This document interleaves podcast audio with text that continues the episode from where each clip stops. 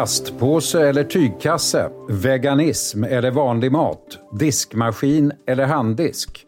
Ja, frågorna och valen är oändligt många för en förvirrad konsument. Studio DN idag med några handfasta tips om hur du kan komma lite närmare ett liv som klimatsmart. Jag heter Lasse Bengtsson.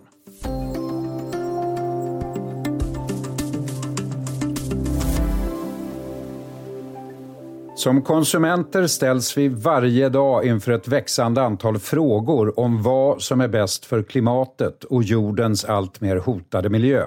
Studio DN ska idag komma med ett litet bidrag när det gäller att handla mat. Från ax till limpa så att säga. Från vad vi bär maten i till hur vi tar hand om disken efteråt. Hej igen, Evelyn Jones, känd från Studio DN som tidsoptimist fast samtidigt kritisk mot tidsoptimister. Hej! Och som aldrig har missat ett flyg Exakt. dessutom. Kul att vara tillbaks. Hur är ditt eh, eget Evelyn förhållande till det där att eh, leva klimatsmart? Konsekvent eller konsekvent dåligt samvete? Det är nog lite både och. Ehm, jag försöker, men, men det är ju liksom lite svårt ibland. På vilket sätt då menar du? Men nu, jag och min kollega Sofie Österström som har skrivit den här artikeln till exempel. Jag har varit helt övertygad om i alla år jag inte haft diskmaskin att det är jobbigt men det är i alla fall bra för miljön. Och nu inser jag att jag har haft fel hela tiden. Vi ska gå in på det lite mer efter det här första steget om hur vi handlar. Hur ofta handlar du och hur planerad är du? Inte särskilt planerad, men ehm, jag försöker att handla, inte handla hela tiden och småhandla. Vad bär du maten i då? Ja, jag bär nog faktiskt maten oftast i min ryggsäck som jag ändå har med mig, eh, om jag inte liksom storhandlar. Eh, och då försöker jag väl att ha papperspåsar. Jag är liksom lite för dåligt planerad för att ha med mig en tygpåse, även ifall jag har förstått att det kan vara bra. Jag själv, eh, om du vill veta, har jag ett antal speciellt inköpta miljökassar som jag mycket sällan använder. Men, men jag förstår att det inte är maximalt miljösmart, om man säger. Nej, men det, det är ju ändå, du försöker ju i alla fall. Jag försöker, men misslyckas ganska ofta, som jag tror många andra gör. Hur ska vi göra då egentligen för att det ska vara så bra som möjligt? Ja, men det är ju lite, en lite komplicerad fråga ändå. Jag pratade med en expert då på, på det här med plastpåsar, framförallt eh, kontra liksom tygpåsar. Eh, och det hela beror ju precis på hur mycket man använder dem. Köper man liksom en plastpåse och sen använder man den och sen använder man den till att slänga sopor eller göra någonting annat eh, så är det helt okej, eller vad man ska säga. Köper man en tygpåse så har ju den mycket högre produktionspåverkan eftersom att det är jo- jobbigare att producera en sån påse än en plastpåse. Men använder man då den jättemånga gånger så är ju det såklart bättre. Så, att, så då är det väl lite så att det man har ska man använda. Har man ingenting så är det kanske bättre att använda en, en plastpåse än att köpa en tygpåse varje gång. Ja, jag, jag känner direkt att jag tar åt mig direkt med alla mina tygpåsar som inte används. Men du, eh, eh, för att det är så att just eh, en miljöpåse, det, det, det tar en del miljöpåverkan just att, på, att tillverka som man inte riktigt tänker på. Exakt, eftersom att, och det är, väl sam, det är ju samma sak med om man ska använda take away-muggar eller om man ska ha en porslinsmugg. Det är klart att det är bra att ha en porslinsmugg, men inte ifall du har den på ditt skrivbord och sen använder en take away-mugg varannan gång. Liksom. Men bara att man så många gånger man kan använda någonting som möjligt så är ju det bra. Apropå det där med take away-muggar och eh, plastpåsar. Och jag har förstått att EU faktiskt eh, har, det visste inte jag, beslutat förbjuda ett större antal engångsprodukter i plast. Eh, Precis. Vilka då och, och när då? Eh, men det handlar ju bland annat då om plastmuggar, plastbestick och sugrör vad jag har förstått också. Eh, nu vet jag faktiskt inte exakt när, när det här är planerat att genomföras. Men det är på gång i alla fall. Ja men precis. Och det har man ju med. Alltså, man har ju också höjt priserna i Sverige med liksom, skatten på plastpåsar. Så det är dyrare att köpa plastpåsar i butik idag än, än vad det är att köpa till exempel en papperspåse. Eh, och det är väl också ett steg. Mm, sju spänn liksom. Exakt. Det är väl ett steg i att försöka göra så att folk inte bara eh, köper jättemånga plastpåsar varje gång de handlar. Liksom. Jag ska tänka på det. Eh, maten då, eh, Evelyn. Eh, jag ser i statistiken att nästan var femte tonåring är vegetarian eller vegan idag. Hur är det för dig? Eh, nej, jag har inget av dem. Jag äter inte jättemycket kött, men jag inte, har ingen titel på vad jag är. Själv är jag gammal biffätare som allt för många svenska äldre farbröder, men allt mindre måste jag faktiskt ärligt säga. Jag gillar lättare mat och grönt eh, allt mer. Mm. Vad är då bäst för miljön? Veganism eller vanligt käk? När, när liksom FN har, har gjort studier om det här så vill de ju inte säga att alla ska bli veganer. Dels för att alla har ju absolut inte möjlighet till det. Vissa behöver ju verkligen få i sig kött. Eh, särskilt kanske inte särskilt i, i Sverige eller i västvärlden. Men man säger ändå att vi i väst äter ju mycket mer kött och mejeriprodukter än vad vi skulle behöva göra och mm. vad som är bra för klimatet. Ja, det, just det, det svenska matavtrycket, hur är det generellt jämfört med övriga världen? Det är högt. Det är för högt.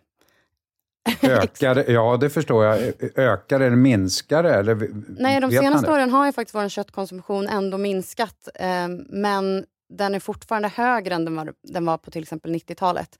Så att den, det, det, har gått neråt, men, men den är, det är fortfarande för högt. Man ska säga. En eh, klassisk sak för Sverige, för, alltså vi får i oss för mycket protein, onödigt mycket, det vet vi. Svenska kaffekonsumtionen är ju välkänt i världsklass. Vad kan man säga om den? Mm, det är ju också en, påverkar ju klimatet. Det beror jättemycket beror på hur hur saker produceras också. Så att det räcker liksom inte med att man tar bort någonting ur sin kost egentligen, utan att man också tittar över vad man, eh, men hur, hur sakerna är producerade. Så vissa, eh, ja, men till exempel om det kommer till kött, så ifall, ifall det är då djur som har eh, varit i ställen där det tidigare var regnskog till exempel, mm. så påverkar det klimatet mycket mer än, än djur som har fötts upp på öppna fält som ändå var det. När vi kommer tillbaka, Evelyn, svenskproducerat käk eller ekologiskt, oavsett varifrån?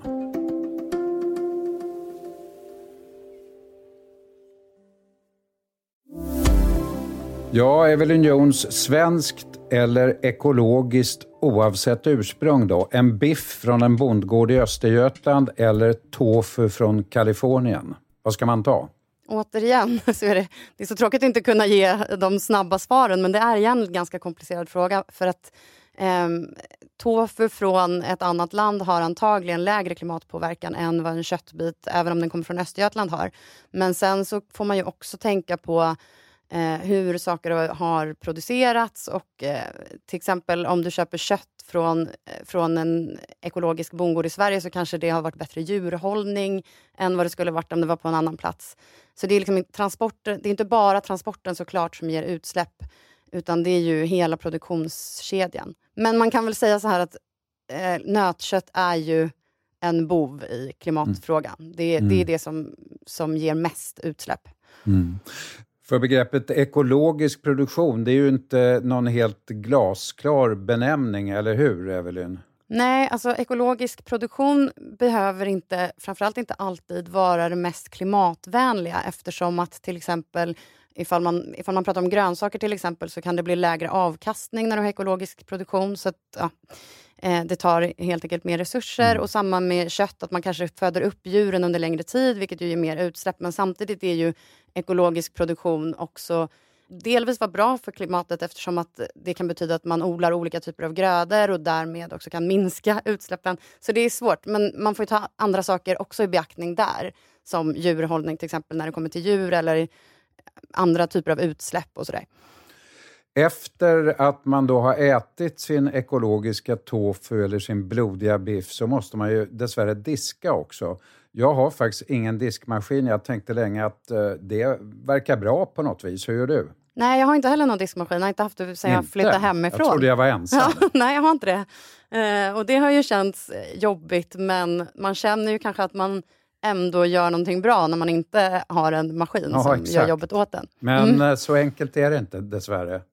Nej, det var ju det som var lite tråkigt då, att det visar sig att det är väldigt mycket mer energieffektivt att diska sina saker i maskin än att diska för hand. Varför då? Eh, det, det, är för att det drar så mycket mindre el att värma upp vattnet i diskmaskinen. Och de diskmaskiner som finns idag är så pass energieffektiva så att man, man använder mycket mindre vatten och då behöver man värma upp mycket mindre vatten. Och därför så blir det mycket, mycket energieffektivare.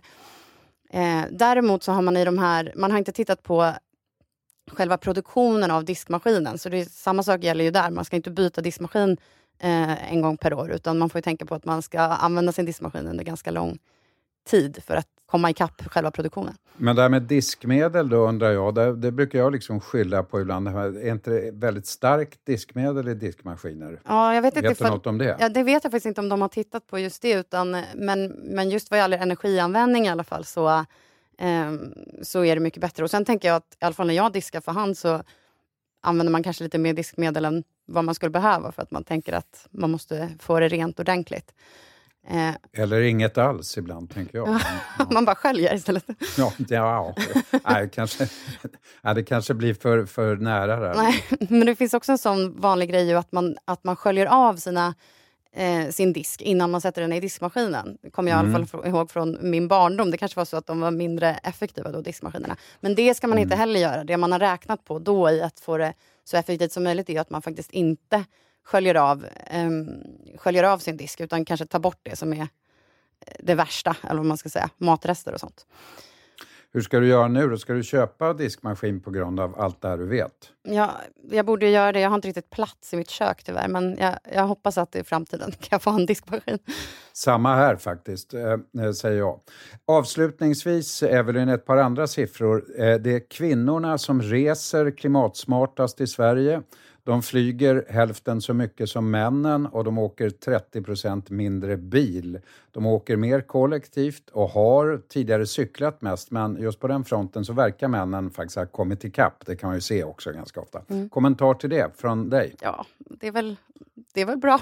nej, nej, men eh, det är svårt att säga någonting om. Men, men... Tillhör du den gruppen? Jag försöker. Jag cyklar i alla fall mest och åker inte jättemycket bil. Nu flyger väl inte så många alls. Och det är väl bra för klimatet. Eh, och det är väl sådana saker man också måste tänka på. Att så här, vad, hur mycket tar liksom en flygresa jämfört med det du äter? Flygresorna mm. är ju ofta, och bilresorna är ju det som, som, verkligen, eh, som verkligen betyder någonting för klimatpåverkan.